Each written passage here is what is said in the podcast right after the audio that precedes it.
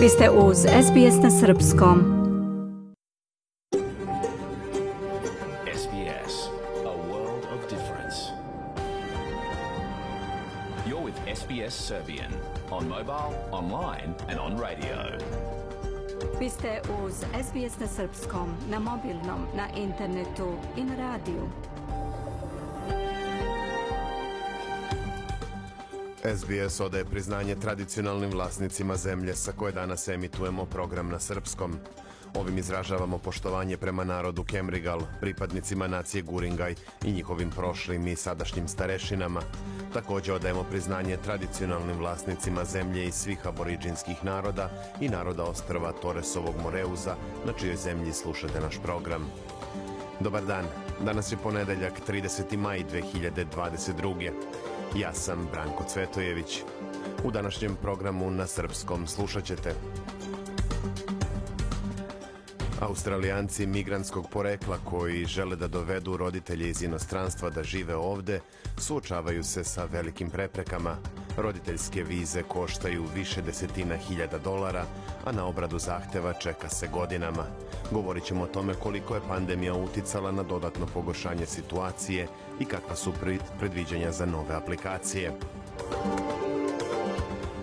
Vlada Novog Južnog Velsa je tokom ovogodišnje nedelje pomirenja, koja traje do 3. juna, vratila najveće ostrvo u Sidnejskoj luci njegovim tradicionalnim vlasnicima. Najavljeno je ulaganje 43 miliona dolara za oživljavanje ostrva koje aboriđini zovu Mimel. Biće više reči i o dešavanjima na godišnjoj skupštini Sanu gde se razgovaralo o uticaju rata Ukrajini na Srbiju. Takođe govorit ćemo o delima čuvenog srpskog slikara Save Šumanovića i kolekciji njegovih crteža u Narodnom muzeju u Beogradu. Ostanite sa nama narednih sat vremena. Sledi pregled vesti.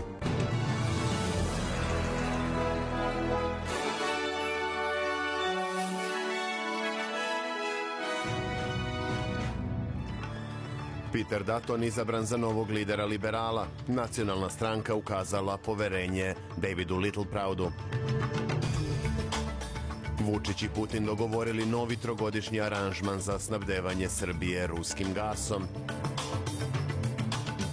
Grupa Albanaca ukrala i zapalila srpsku zastavu u selu Prilužje na Kosovu.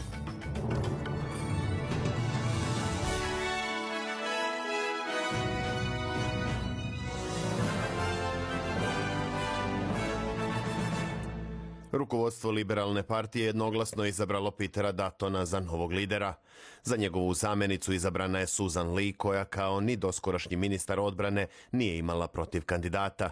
Do velike promene na čelu stranke došlo je posle ubedljivog poraza na saveznim izborima 21. maja, kada je sada već bivši lider Scott Morrison podneo ostavku. Čelnici partije će kasnije odlučiti o tome ko će sve biti izabran u novu vladu u Senci. Novi konzervativni lider liberala Peter Dutton je istakao da je slika koju javnost ima o njemu stvorena jer je vodio portfelje odbrane, unutrašnjih poslova i imigracije, koji su omogućili da se vidi samo jedna strana njegove ličnosti. Bivši premijer Australije Scott Morrison čestitao je svojim kolegama na izboru. Um, Oni su ljudi koji su izuzetno iskusni, dobro upućeni, duboko posvećeni i liberalnom cilju i Australiji. Mislim da će uraditi izvanredan posao i radujem se što ću im dati svoju punu podršku, rekao je Morrison i zahvalio se svim kolegama na velikoj lojalnosti i podršci u protekle tri i po godine.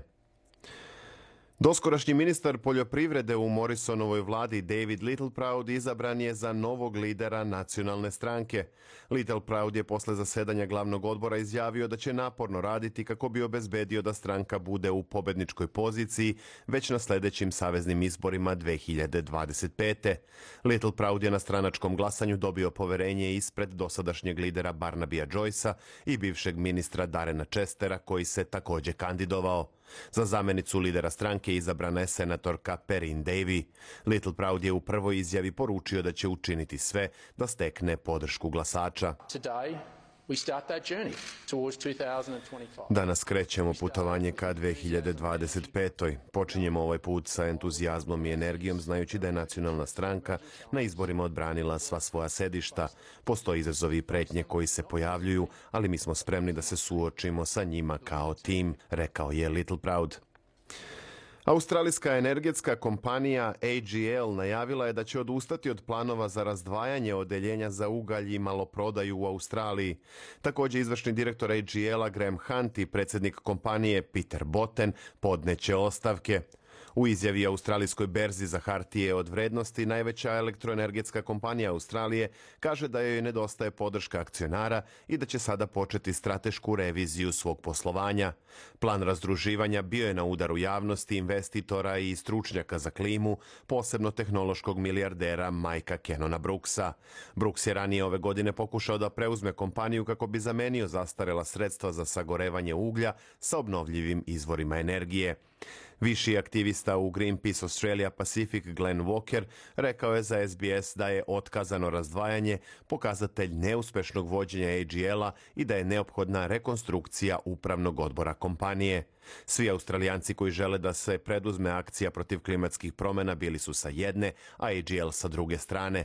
Ta kompanija je najveći australijski klimatski zagađivač, a treba da postane najbolje klimatsko rešenje, istakao je Walker. Slušate SBS na srpskom. Pregled vesti. Slede informacije iz Srbije i sveta. Ukrajinske snage nalaze se na udaru jake artiljerijske paljbe nakon što su ruske trupe intenzivirale napade da zauzmu grad Severodonjecku u oblasti Lugansk. Stalno rusko granatiranje uništilo je svu kritičnu infrastrukturu u ovom gradu, a ukrajinski predsjednik Vladimir Zelenski osudio je ogromnu štetu koja je naneta Severodonjecku usled nemilosrdnog ruskog bombardovanja. Zelenski je u nedelju posetio Harkov, drugi po veličini grad u zemlji. Bila je to njegova prva poseta van Kijevske oblasti od početka ruske invazije. U Beogradu je u organizaciji neformalne grupe Rusi, Ukrajinci, Belorusi i Srbi zajedno protiv rata upućen zahtev da se trupe Ruske federacije odmah povuku sa teritorije suverene Ukrajine. Također zatraženo je da se svi počinioci ratnih zločina u kojima je stradalo više desetina hiljada civila odmah isporuče pravosuđu Ukrajine radi suđenja. Tokom prvog dela skupa na Trgu Republike, profesorka Beogradskog univerziteta i članica koalicije Moramo Biljana Stojković rekla je da se u Srbiji mora poslati poruka da znamo ko su zločinci, a ko su žrtve, prenosi glas Amerike. Moja jako važna poruka ovde, solidarnost među svim ljudima, bez obzira na etničku pripadnost, bez obzira na politike, mora se negovati. Bez toga ovaj svet otići će dođavola, to već negde i gledamo, ali ima nas koji to nećemo dozvoliti. Konačno, u Srbiji se mora poslati poruka da znamo ko su zločinci i znamo ko su žrtve. I to je jedino što treba da nas zanima. Aktivistkinja Aida Ćorović pročitala je pismo u ime velikog broja ženskih organizacija iz Srbije, u kojem se između ostalo kaže da je skoro neverovatno da većina ljudi ne razume da je rat u interesu vojnih profitera i proizvođača oružja, javlja glas Amerike. Odsustvo elementarne empatije u odnosu na ukrajinske žrtve je zabrinjavajuće, a potpuno iracionalno slavljanje ruske agresije je postalo dominantna matrica i narativ razmišljanja i govora u Srbiji. Skoro je neverovatno kako većina ljudi ne razume da je rat u interesu vojnih profitera, proizvođača oružja i svih drugih ratnih profitera. Na kraju skupa je ispred ruske ambasade zatraženo i da Rusija odmah povuče svojih 4036 agenata obaveštajnih službi iz Srbije. Kako je navedeno, to se naročito odnosi na 27 agenata u vladi Srbije, 7 u predsjedništvu Srbije, 86 agenata u Ministarstvu odbrane, 64 u Ministarstvu unutrašnjih poslova i čak 113 agenata u Bezbednostnoj informativnoj agenciji, prenosi Glas Amerike. Predsjednik Srbije Aleksandar Vučić razgovarao je telefonom s ruskim kolegom Vladimirom Putinom. Iz Kremlja je saopšteno da su predsjednici dve države razgovarali o snabdevanju Srbije prirodnim gasom i potvrdili obostrano raspoloženje za jačanje strateškog partnerstva. Dvojica lidera su razgovarala i o Ukrajini i Kosovu, naveo je Kremlj. Aleksandar Vučić je rekao da je imao dobar razgovor s ruskim predsjednikom i da su govorili o više različitih tema, a da je za Srbiju najvažnije to što su dogovorili glavni element novog gasnog sporazuma.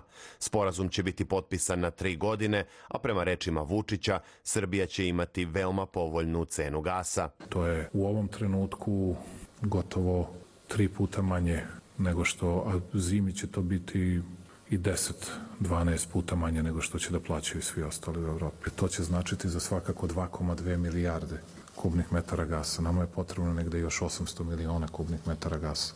Ostaje da se razgovara oko cene za tih 800 miliona kubnih metara gasa, odnosno povećanja količine gasa Predsednik Srbije rekao i da je sa Putinom razgovarao o daljoj izgradnji skladišta gasa u Srbiji. Na pitanje da li očekuje intenziviranje pritisaka na Srbiju nakon povoljnog razgovora s Putinom i da li će se ti pritisci pre svega odraziti na Kosovo, Vučić je odgovorio da zemlja s tim pritiscima živi svaki dan. Mi sa tim pritiscima živimo svaki dan.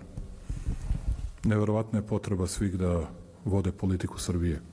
Svih i svi sa strane bolje znaju kakvu politiku bi trebalo da vodimo.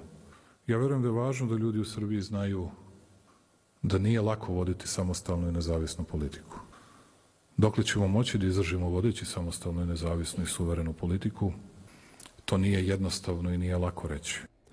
Vučić je istakao i da je Putinu preneo stav Srbije da se što brže uspostavi mir u Ukrajini, a da je ruski predsjednik izneo podatke iz svog ugla. Rekao je da postoji ponuđeni sporazum koji je na stolu u Moskvi, Kijevu i drugim centrima moći. Neke određene elemente sam čuo, ali nije nešto čime možemo da se bavimo. Nadam se da će se mir uspostaviti. Za sve drugo mogu da kažem da smo imali veoma korektan i dobar razgovor, rekao je Vučić. Regionalni i svetski mediji preneli su vest o razgovoru predsjednika Srbije i Rusije ističući da je dogovoren novi trogodišnji aranžman za snabdevanje gasom i povoljna cena tog energenta za Srbiju. Reuters je preneo i saopštenje Kremlja da su se Putin i Vučić dogovorili da će Rusija nastaviti da isporučuje gas Srbiji i da će dve zemlje ojačati partnerstvo. U saopštenju Moskve se navodi da se Srbija koja ima za cilj da se pridruži Evropskoj uniji našla pod pritiskom zapadnih zemalja da uskladi svoju spoljnu politiku sa Unijom i da uvede sankcije Rusiji. BBC na srpskom jeziku prenosi izjavu Vučića da će cena gasa biti veoma povoljna i da će ako sve bude realizovano, Srbija po tom pitanju imati sigurnu zimu. Vodeći ruski mediji vest o razgovoru Vučića i Putina objavili su kao jednu od udarnih informacija. Predsednica vlade Srbije Ana Brnabić je gostujući u dnevniku RTS-a rekla da je geopolitička situacija svakim danom sve komplikovanija. Ona je dodala i da su pritisci na Srbiju ogromni. Odgovarajući na pitanje da li Rusija ceni dovoljno poziciju Srbije, Brnabić je rekla da odgovor na to pitanje treba potražiti od ambasadora Ruske federacije i ljudi koji mogu da govore šta i kako razume i gleda Moskva. Naša pozicija je prvo u potpunosti u skladu sa, inter, e, sa međunarodnim e, pravom i međunarodnim pravnim poredkom i drugo potpunosti u skladu sa našim nacionalnim interesima. Da li je laka? Nije. Da li se borimo svaki dan da održimo takvu poziciju i argumentima se borimo za to? Da, apsolutno. Tako da, evo, to je jedino što ja imam da kažem uh, u, u tom smislu. Nadam se da razumeju naši, našu poziciju ili da nas makar čuju i naši partneri iz Ruske federacije, ali takođe i naši partneri iz Evropske unije i Sjedinjenih američkih država i ostali. Francuska veruje u evropsku budućnost Srbije, poručuje ambasador te zemlje u Srbiji Pierre Košar. On je naglasio da se zato od Beograda očekuje da shvati težinu dešavanja u Evropi i da se pridruži naporima da se rat u Ukrajini što pre okonča. Košar je rekao da Srbija koja se uskladila sa određenim brojem sankcija Evropskoj, Evropske unije, to usklađivanje treba i da nastavi. U intervju za Tanjug, Košar je podsjetio da su se zemlje kandidati za članstvo u EU obavezale da će uskladiti spoljnu politiku sa Unijom i da se o tome govorilo i pre rata u Ukrajini. Et dans le prolongement, nous avons Na konstataciju da je stupajući na dužnost ambasadora najavio da će Srbija imati važno mesto u aktivnostima Francuske tokom predsedavanja Evropskom unijom koje se završava idućeg meseca, Košar navodi da je francusko predsedavanje sadržano u tri ključne reči snaga, oporavak i pripadanje. Prve dve govore o neophodnosti strateške autonomije za Uniju, a treća o zajednici vrednosti. Avec toujours beaucoup d'estime Na pitanje šta Srbija može da očekuje od Francuske ako ne uvede sankcije Rusiji, Košar ističe da njegova zemlja ne primenjuje pritiske i ucene i da veruje u evropsku budućnost Srbije. Premijer Kosova i lider vladajuće stranke samoopredeljenje Aljbin Kurti najavio je da se vlasti u Prištini pripremaju za prijavu u članstvo u NATO alijansi i u Evropskoj uniji. Podneli smo zahtev za članstvo u Savetu Evrope. Naše članstvo će biti dodatna vrednost za Savet i prilika za Kosovo da ostvari dalji napredak u oblasti pravosuđa. Vršimo pripreme za podnošenje zahteva za članstvo u partnerstvu za mir u okviru NATO-a, a prijavit ćemo se i za članstvo u Evropskoj uniji, najavio je Kurti. Grupa mlađih Albanaca ukrala je i zapalila zastavu Srbije sa spomenika palim borcima u selu Prilužje, saopštila je Kancelarija vlade Srbije za Kosovo i Metohiju. Grupa mladića iskoristila situaciju kada u selu nije bilo struje usled jakog nevremena, upali su u naselje i došli do spomenika sa srpskom trobojkom. Nakon što su pokidali lanac, ukrali su zastavu, a potom su je zapalili u ulici koja vodi ka albanskom delu sela. Slučaj je prijavljen kosovskoj policiji policiji koja je izvršila uviđaj. Na međunarodnom tržištu valuta jedan australijski dolar danas vredi 72 američka centa, 67 eurocenti, 57 britanskih penija i 78 srpskih dinara i 52 pare. Evo i vremenske prognoze za sutra. U Melbourneu se očekuje hladan i kišovit dan, najviša dnevna 11 stepeni. U Sidneju vetrovito i oblačno do 18, a u Brisbaneu sunčano uz nešto jači vetar i 21 stepen. Za Kamberu se predviđa vetroviti kišan dan, maksimalno 9 stepeni, u Adelaidu slične vremenske prilike i 14, a u Pertu povremeno oblačno i 20. Na Tasmaniji sutra pljuskovi i 11, a u Darwinu sunčano i 32 stepena. U Srbiji danas još jedan kišovit dan, temperatura od 14 do 26 stepeni. Slušali ste pregled vesti SBS radija na srpskom jeziku. Za više informacija posetite sbs.com.au kosacrta news.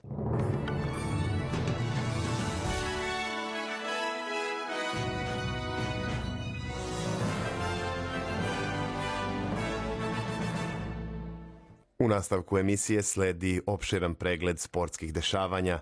U centru pažnje Roland Garros i predstojeći derbi meč između Novaka Đokovića i Rafaela Nadala.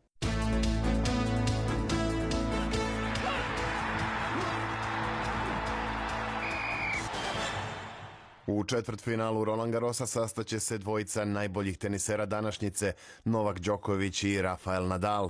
Srpski teniser je u četvrtom kolu otvorenog prvenstva Francuske u tenisu pobedio Argentinca Diego Švarcmana sa 3-0 u setovima uz samo sedam izgubljenih gemova. Za razliku od Novaka, Nadal je do pobede nad Felixom Ože Asimom došao posle pravog teniskog maratona. Oba rivala pružila su odličnu igru, ali Asim je vodio sa 1-0, a Nadal je preokrenuo na 2-1, nakon čega je Kanadjanin uspeo da izjednači. Ipak u petom setu španski teniser je bio bolji i zabeležio zasluženu pobedu. Đoković i Nadal će se za plasman u polufinale boriti sutra uveče. Biće to njihov 59. međusobni okršaj a u drugom četvrtfinalnom meču sastaće se mladi španski teniser Carlos Alcaraz i Aleksandar Zverev iz Nemačke. Alcaraz je sa 3-0 u setovima pobedio ruskog tenisera Karena Hačanova, a istim rezultatom Zverev je savladao Španca za patu Miraljesa.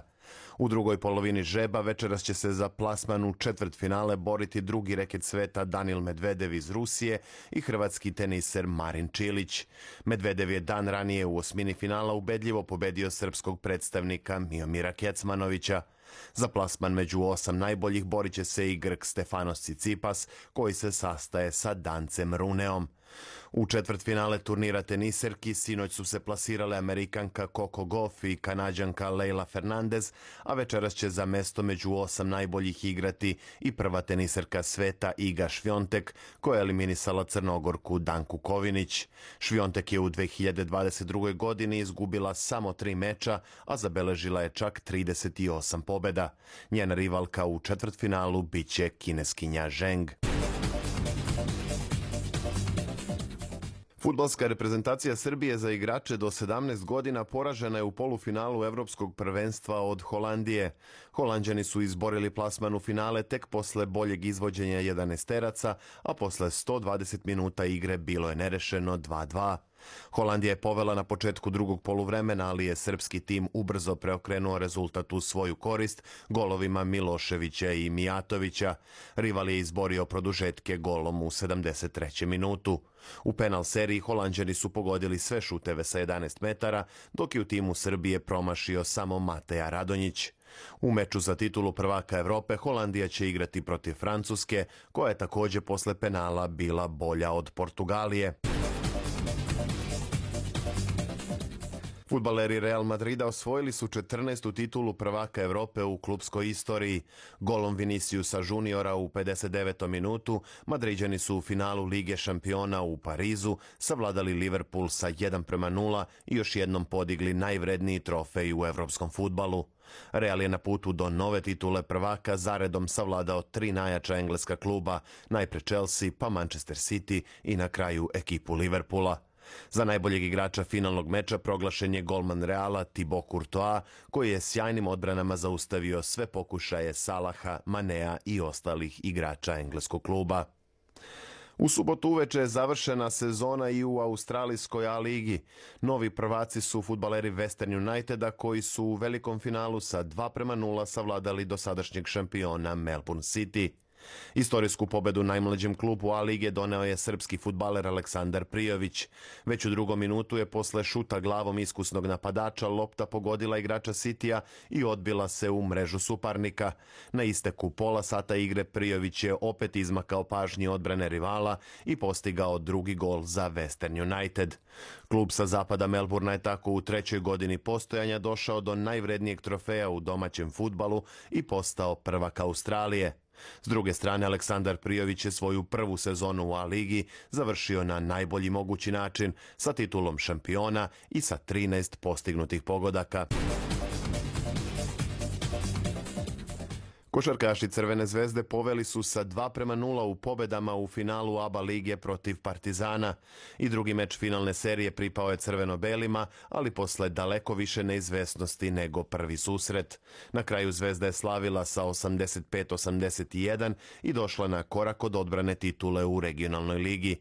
Dramatičan meč u Beogradskom pioniru obeležio je Nikola Kalinić, koji je za pobedničku ekipu postigao 25 poena, dok je Luka Mitrović ubacio 14. Najefikasniji u redovima Partizana bili su Avramović sa 21 košem i Lesor sa 18. Treći meč finalne serije ABA lige igra se u sredu uveče u istoj dvorani, s tim da će ovaj put podršku svojih navijača imati Partizan, koji preuzima ulogu domaćina. Titulu prvaka Jadranske lige osvojit će onaj tim koji prvi zabeleži tri pobede u finalnoj seriji. Vozač Red Bulla, Meksikanac Sergio Perez, pobednik je trke Formule 1 za veliku nagradu Monaka. Na stazi u Monte Carlo drugo mesto je pripalo Carlosu Sainzu iz Ferrarija, koji je za pobednikom zaostao tek nešto više od jedne sekunde, dok je treći bio Max Verstappen iz Red Bulla. Višestruki šampion Formule 1 Lewis Hamilton zauzeo je osmo mesto, a Sebastian Vettel je bio deseti. Australijski vozač Daniel Ricardo stigao je na cilj tek 13. i ostao je bez bodova iz ove trke. Prvo mesto u generalnom plasmanu vozača zauzima Max Verstappen sa 125 bodova, drugi je Leclerc sa 116, a treći Perez sa 110 bodova. Iduća trka Formule 1 vozit će se za dve sedmice 12. juna u Azerbejdžanu. SBS ogledalo aktualnih zbivanja u sportu.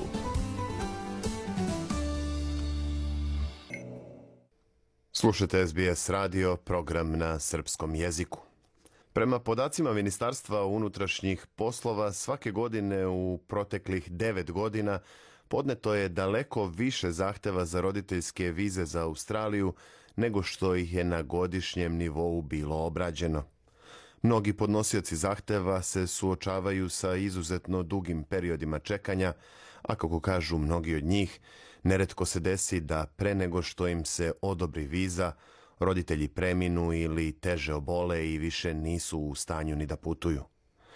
Maja Jamison i Aka Šarora iz informativne redakcije SBS-a razgovarali su sa nekim od doseljenika u Australiju koji su predali zahteve za roditeljske vize pre više godina.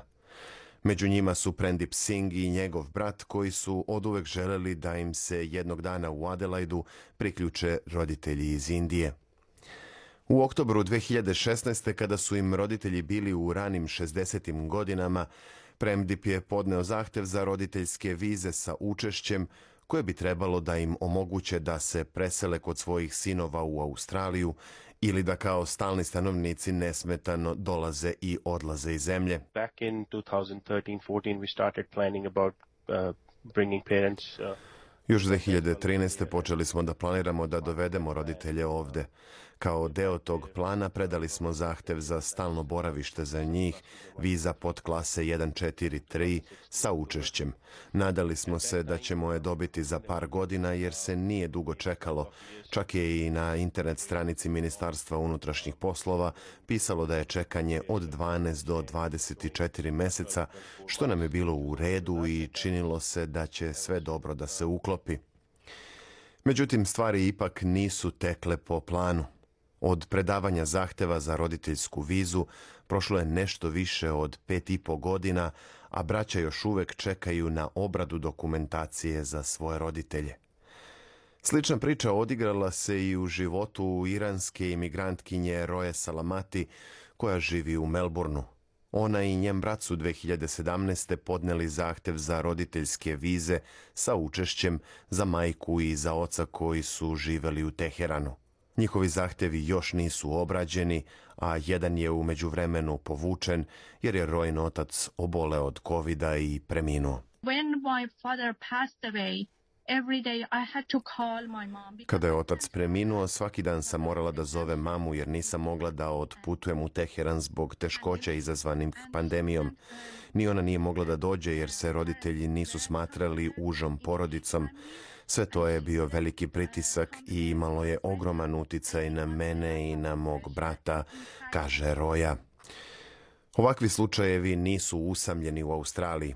Naprotiv, od 30. aprila preko 123.000 zahteva za roditeljske vize čeka na obradu u Ministarstvu unutrašnjih poslova. Marijana Đordana iz Melburna nedavno je pokrenula kampanju pod nazivom Clear Parent Visa Backlog ili Rešite za ostale zahteve za roditeljske vize. Prema njenoj proceni, ukoliko odobravanje viza bude teklo prema sadašnjem nivou, novi zahtevi za roditeljske vize će morati da čekaju na odobrenje oko 19 godina. At the moment of our application, most of us, we were told it's going to take U trenutku kada smo predali prijave, većini nas je rečeno da će biti potrebno dve do tri godine, ali sada govorimo o mnogo dužem vremenu, razočarana je Marijana.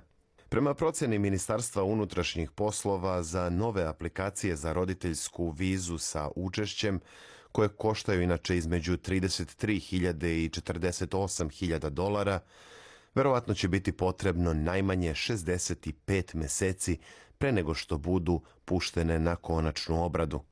Marijana Đordana kaže da je za obradu ovih viza u stvari potrebno i do 16 godina. most of our parents um, got, I mean,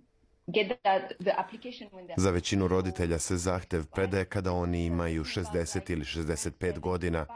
Dakle, roditelji će imati između 75 i 80 godina kada im se vize odobre.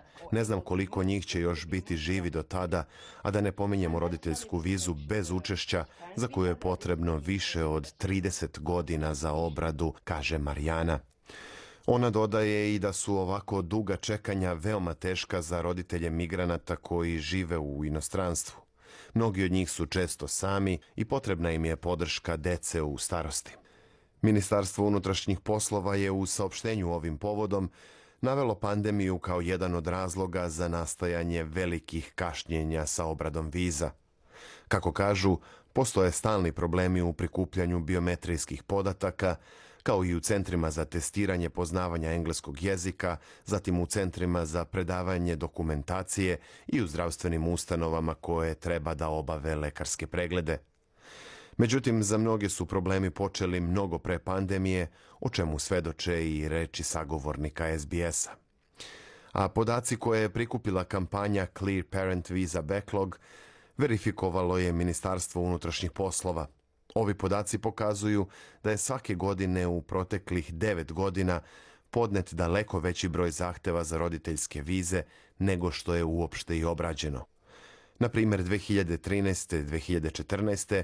ministarstvo je primilo više od 26.000 zahteva za roditeljsku vizu, ali je samo oko 9.000 odobreno. Tokom 2020. 2021. primljeno je više od 14.000 zahteva za roditeljske vize sa učešćem, a odobreno je svega oko 5.000. Prema mišljenju Abula Rizvija, bivšeg zamenika sekretara Ministarstva za imigraciju, Glavni faktor ovog kašnjenja je zabrinutost vlade zbog sve bržeg starenja populacije u Australiji. On kaže da je ograničavanje roditeljskih viza počelo još 1996. godine pod vladom Johna Howarda, a nastavilo se sve do danas. Osnovni razlog je usporavanje stope starenja stanovništva Australije. U poređenju s drugim sličnim zemljama kao što su Sjedinjene države, Kanada i Novi Zeland, Australija vodi najstrožu politiku po pitanju migracije roditelja. Međutim, kako kaže Rizvi, ovo je vrlo varljivo pitanje. Oh, look, I'm, I, this is this is difficult policy. There is no question this is very difficult policy. Ovo je nesumnjivo složena politika, veoma teška. Koliko god je to moguće, cilj bi trebalo da bude da se roditeljima omogući da posećuju svoju decu u meri u kojoj je to moguće bez uticaja na troškove zdravstvene zaštite i starosnih penzija. Ali postizanje tog cilja nije lako. Za sada ni jedna zemlja, po mom mišljenju, nije našla adekvatan način da to uradi i to je izazov s kojim se suočavamo i ovde u Australiji, kaže Abul Rizvi. Vi slušate SBS radio. Ja sam Branko Cvetojević. Ostanite uz naš program.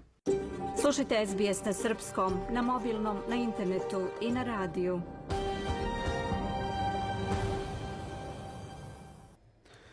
Slušate SBS radio, program na srpskom. Ove sedmice obeležava se nacionalna nedelja pomirenja, tokom koje se slavi istorija i tradicija autohtonih naroda. Također čine se dodatni napori ka izmirenju doseljenika sa prvim narodima Australije. Tim povodom najveće ostrvo u Sidnejskoj luci je pre nekoliko dana vraćeno njegovim tradicionalnim vlasnicima. Odlukom vlade Novog Južnog Velsa vlasništvo nad Kozijim ostrvom prebačeno je na komitet predvođen aboriđinima.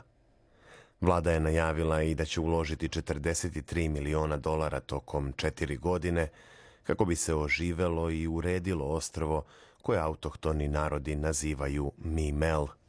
Više o tome u sledećem prilogu. Goa Thailand, odnosno Kozije ostrvo, je poznat prizor Sidnejcima i mnogim posetiocima koji uživaju u znamenitostima luke u Sidneju. Jedna od 13 ostrava u okviru nacionalnog parka Sydney Haba ima posebno značajno mesto u srcu starosedelaca Australije koji ga poznaju pod imenom Mimel. Sada se Mimel vraća svojim tradicionalnim vlasnicima, pripadnicima prvih nacija – Ivon Weldon, zamenica predsjednika Saveta za upravljanje aboriđinskim zemljištem, kaže da je ostrvo oduvek imalo posebno značenje za aboriđine. The spirituality of this island, I don't know how any of you can not feel it because it is amazing. Uh, Duhovnost ovog ostrva, ne znam kako neko to ne može da oseti, je neverovatna. Sama činjenica da je izdržalo test vremena na tako lep način je neverovatna. Čak stojeći ovde sa prijateljima prirode koji su došli da svedoče ovom događaju, možete da shvatite da je ovo davno trebalo da se desi. Toliko je važno za nas da ispravimo tu grešku, kaže ona. Premijer Novog Južnog Velsa Dominik Perote kaže da se na transfer vlasništva dugo čekalo. This has been stuck in the too hard basket for way too long. I mean, this is the jewel in the crown. Ovo je predugo bilo zabačeno u nekoj administrativnoj fioci. Mislim da je ovo dragulj u kruni Sidnejske luke koji stoji ovde neupotrebljen dugi niz godina, decenijama, kaže on. Nedostatak adekvatnog održavanja ostrva tokom godina znači i da je sada potrebno uložiti mnogo napora na njegovo čišćenje. Na ostrvu ima više od 30 zgrada, najranija datira iz 1830. godine, a najnovija je izgrađena 1960. Državna vlada će uložiti 43 miliona dolara tokom četiri godine na račun za sve potrebne popravke. Za ministra za pitanja aboriđina u vladi Novog Južnog Velsa, Bena Franklina, taj izdatak je sasvim odgovarajući. On kaže da će projekat značiti saradnju između nacionalnih parkova i autohtonih zajednica. This will be done through a transfer, transfer committee, the MEMEL Transfer Committee, which will have a majority of Aboriginal people on it, utterly appropriately, uh, which has got um, been approved by the Metropolitan Lands Council. Ovo će biti urađeno preko MIMEL komiteta za transfer zemljišta u kojem će većinom biti aboriđini, što je sasvim prikladno i što je odobrio Savet za upravljanje aboriđinskim zemljištem na gradskoj teritoriji. To se mora raditi uvek u okviru istinske saradnje i partnerstva sa aboriđinima, kaže on. Komitet koji će biti odgovoran za obnavljanje Mimela imaće dugačku listu obaveza. Moraju se popraviti potporni zidovi prema morskoj površini i zgrade, poboljšati pristup pristaništu, poboljšati vodovodne i kanalizacione usluge i bezbedno ukloniti zagađivači prirode poput azbesta. A premijer kaže da se nada da će Mimel tokom faza obnavljanja postati centralno mesto za pripovedanje istorije starosedelaca i kolonije. The creation story of Sydney which sits right here and the meaning uh, of the dreaming that this has uh, for our First Nations people and also the colonial history that sits here. People uh, who were prisoners on this island. There was a bloke who was chained to a rock Priča o stvaranju Sidneja koji se nalazi upravo ovde i značenje snova koje to ima za naše prve narode, kao i kolonijalna istorija koja se desila ovde, ljudi koji su bili zatvorenici na ovom ostrvu. Bio je jedan momak koji je nedeljama bio okovan za stenu tik dole ispod ovog mesta na kojem stojimo. Ovdašnja istorija i nasljeđe nikad nisu ispričani. Ovo je prilika da se ispriča priča o našim prvim nacijama, našoj kolonijalnoj istoriji, kaže premijer. Ivon Veldon kaže da transfer vlasništva nad zemljom koji se dešava u nedelji nacionalnog pomirenja već odražava ono što je ostrovo oduvek značilo za aboriđine. This island brings together my people and you just as it has been done for generations and generations of your Ovo ostrvo okuplja moj narod i vas, baš kao što je to činjeno generacijama i generacijama Eore. Klanovi iz cele Eore, vrhovnog starosedelačkog klana, su se okupili ovde i mi tu tradiciju nastavljamo danas, rekla je ona. Mimel ima veliki značaj za aboriđine, uključujući i priču o stvaranju burabira, da je veliki duh jegulje stvorio vodene tokove, danas poznate kao Sidnejska luka, rekla je Ivon Weldon. Ostrvo je zavedeno u državnom registru nasleđa Novog Južnog Velsa i ima niz važnih aboriđinskih, istorijskih i prirodnih vrednosti, uključujući više od 30 zgrada i drugih objekata izgrađenih od 1830 do 1960. Organizacija Nacionalni parkovi Novog Južnog Velsa nastavit će da upravlja Mimelom i održava javni pristup ostrvu dok se transfer zemljišta ne finalizuje. Piše Kath Landers iz novinske službe SBS-a. Slušate program na srpskom, ja sam Biljana Ristić.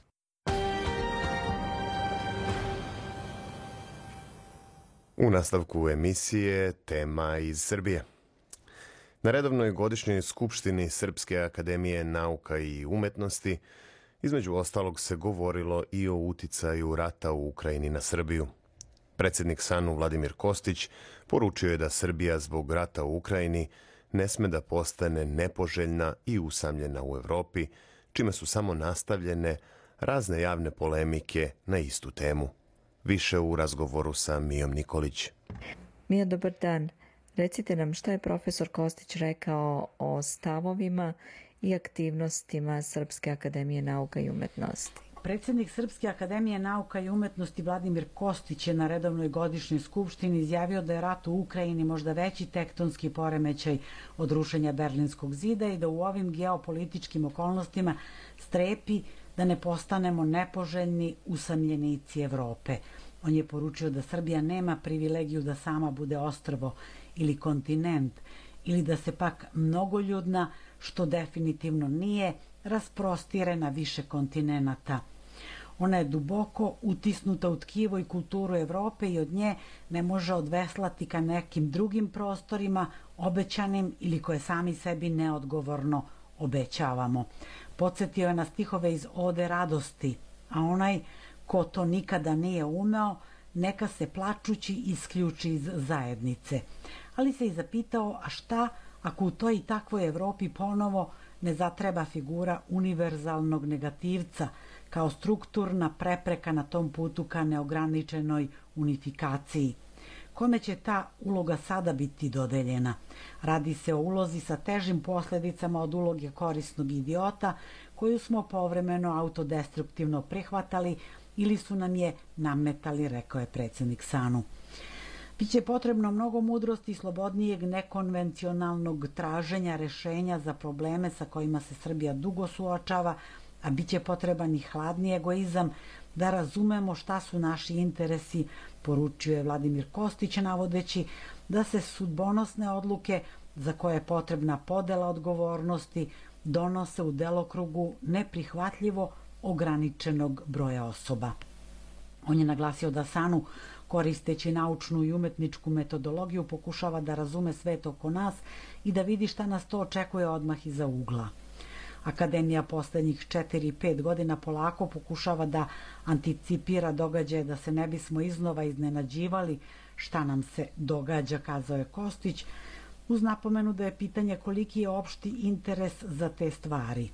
Ocenjujući da je ne samo na ovim našim meridijanima politika pojela sve, on je istakao da postoji neka vrsta zanemarivanja, iako se to ne popravi, ne za akademiju, nego za kulturu uopšte, za nauku kao takvu, imaćemo problem, no Srpska akademija nauke i umetnosti će nastaviti da vrši tu svoju funkciju.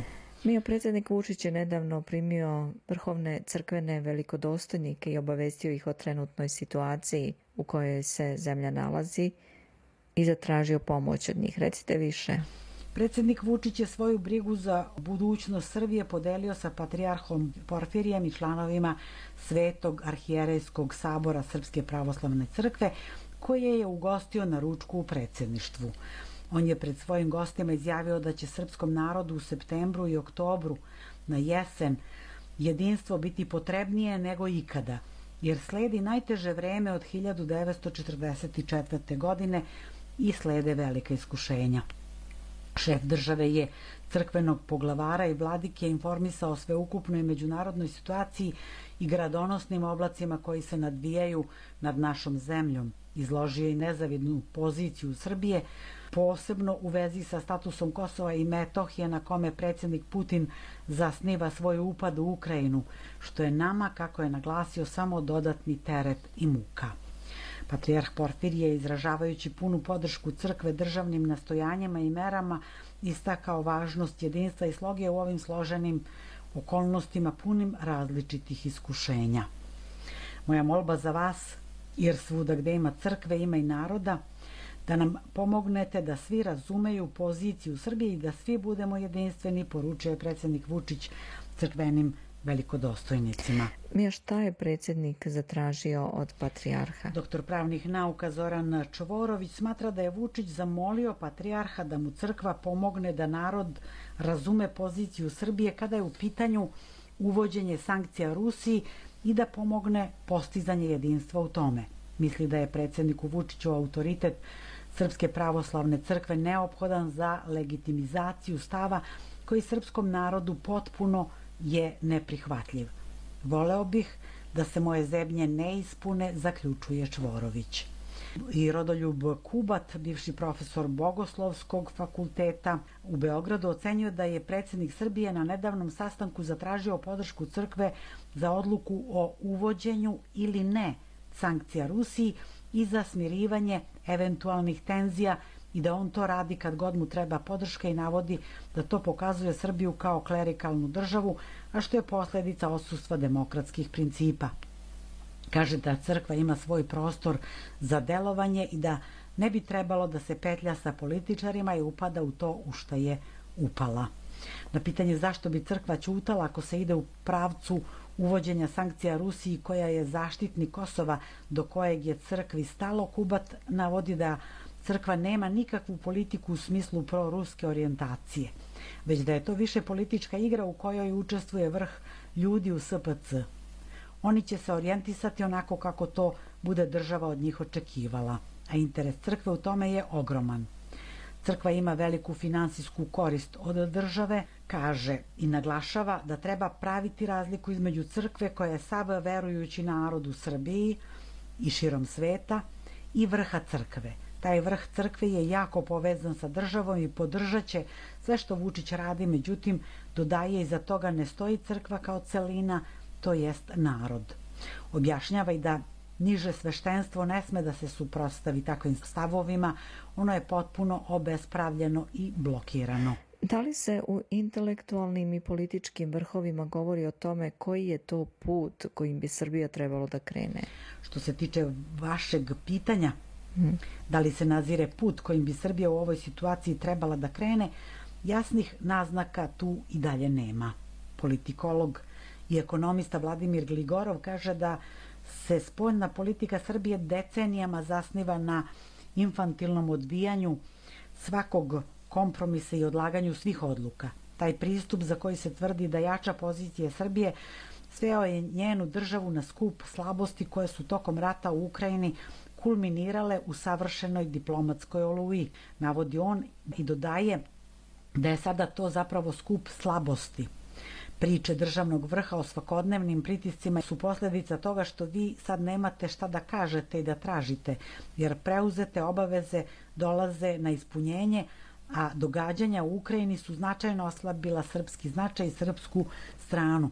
Čak i da Srbija reši da ostane u ovom statusu gde zapravo gubi svakodnevno i politički i ekonomski i sa stanovišta renomea, to ne menja mnogo na stvari. Samo će dalje slabiti pozicije Srbije, s obzirom na to da će biti pritisci okolo da se stvari rešavaju na štetu Srbije, izjavio je Gligorov. Deo analitičara smatra da državni vrh pravi još uvek računicu šta će manje da nas košta. Rusija može da nam zavrne gas i pravi probleme oko Kosova, a udaljavanje od Evropske unije ne bi baš bio povratak u 90. ali bi bio nalik. Očekuju da će se posle razgovora Vučića i Putina za koji naš predsednik tvrdi da je bio veoma dobar i veoma koristan, znati kome i čemu smo bliži. Toliko za danas. Hvala Mija. Bila je to naša saradnica iz Srbije, Mija Nikolić. Slušate program na srpskom. Ja sam Biljana Ristić.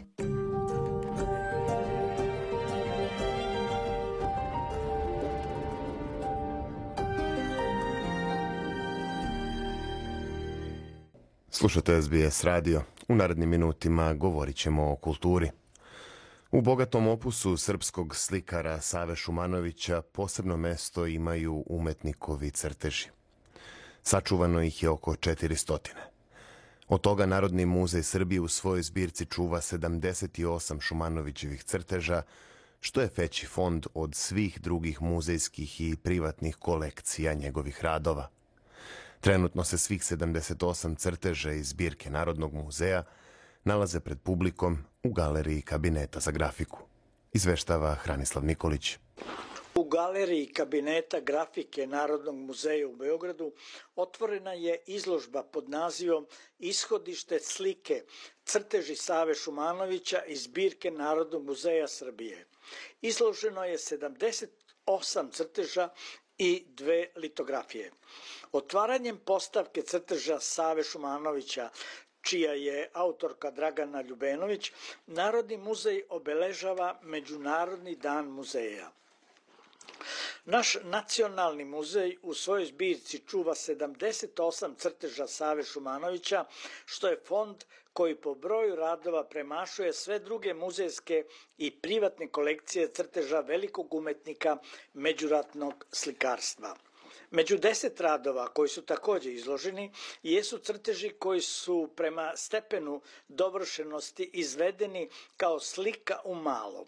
Karakteristika njegovog crtačkog opusa je da predstavlja studije za dela u ulju.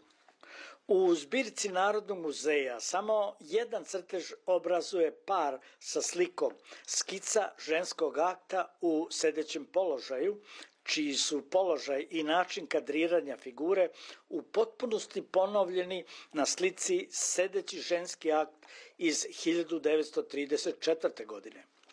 Autorka izložbe Dragana Ljubenović za Tanjug je kazala. Naziv izložbe ishodište slike, crteži Save Šumanović iz zbirke Narodnog muzeja. Upravo u samom nazivu izložbe nalazi se ono što jeste najzanimljivije za publiku, a to je da u dve sale kabineta grafike publika će imati priliku da istovremeno posmatra crteže Save Šumanovića. Dakle, mi smo izložili 78 eksponata iz Fonda Narodnog muzeja, a istovremeno na diskretno postavljenim produkcijama slika koje se uglavnom nalaze gotovo u potpunosti u galeriji slika Save Šumanović u Šidu moći će da se primeti ta direktna veza između crteža kao predloška i između slike ostvarenje ulju. Takođe, biće od izuzetne važnosti jeste i to da je pored jednog od najreprezentativnijih crteža Save Šumanović koji je našao svoje mesto na koricama kataloga, izložena je slika u ulju koja pripada zbirci Narodnog muzeja, tako da po samom ulasku, pri samom ulasku u kabinet grafike posetilac ove izložbe moći će da, da vidi, da dopre do toga šta je bio glavna ideja iza celog ovog projekta,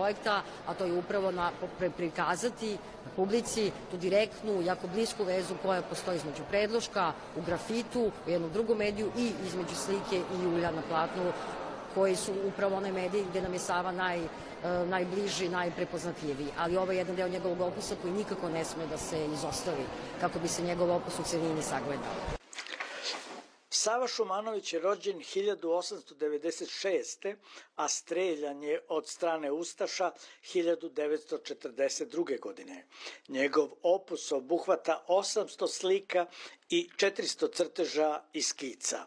Šumanović je jedan od najznačajnijih slikara srpske umetnosti 20. veka.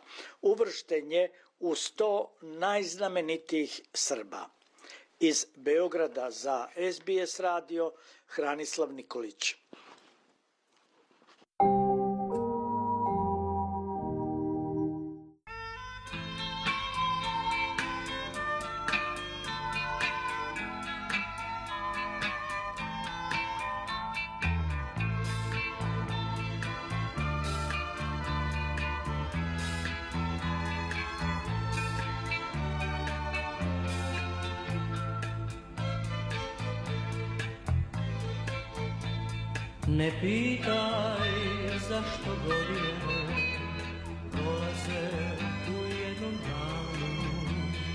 Ne traži moje osmeke. Kad znaš da neću biti tvoj I ako jednom vidiš Mariju Ti joj reci da je volim Ako jednom vidiš Mariju Ti joj kaži za moj bol. Ako jednom vidiš Mariju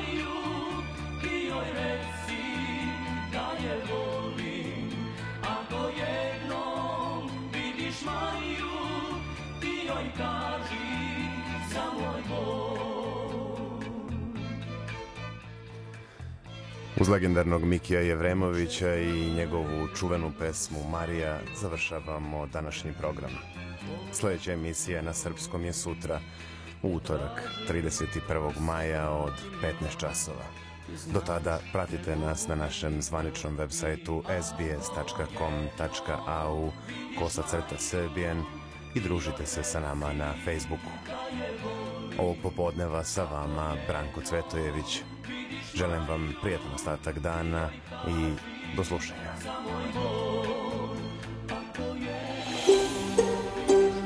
Želite da čujete još priča poput ove? Slušajte nas na Apple Podcast, Google Podcast, Spotify ili odakle god slušate podcast.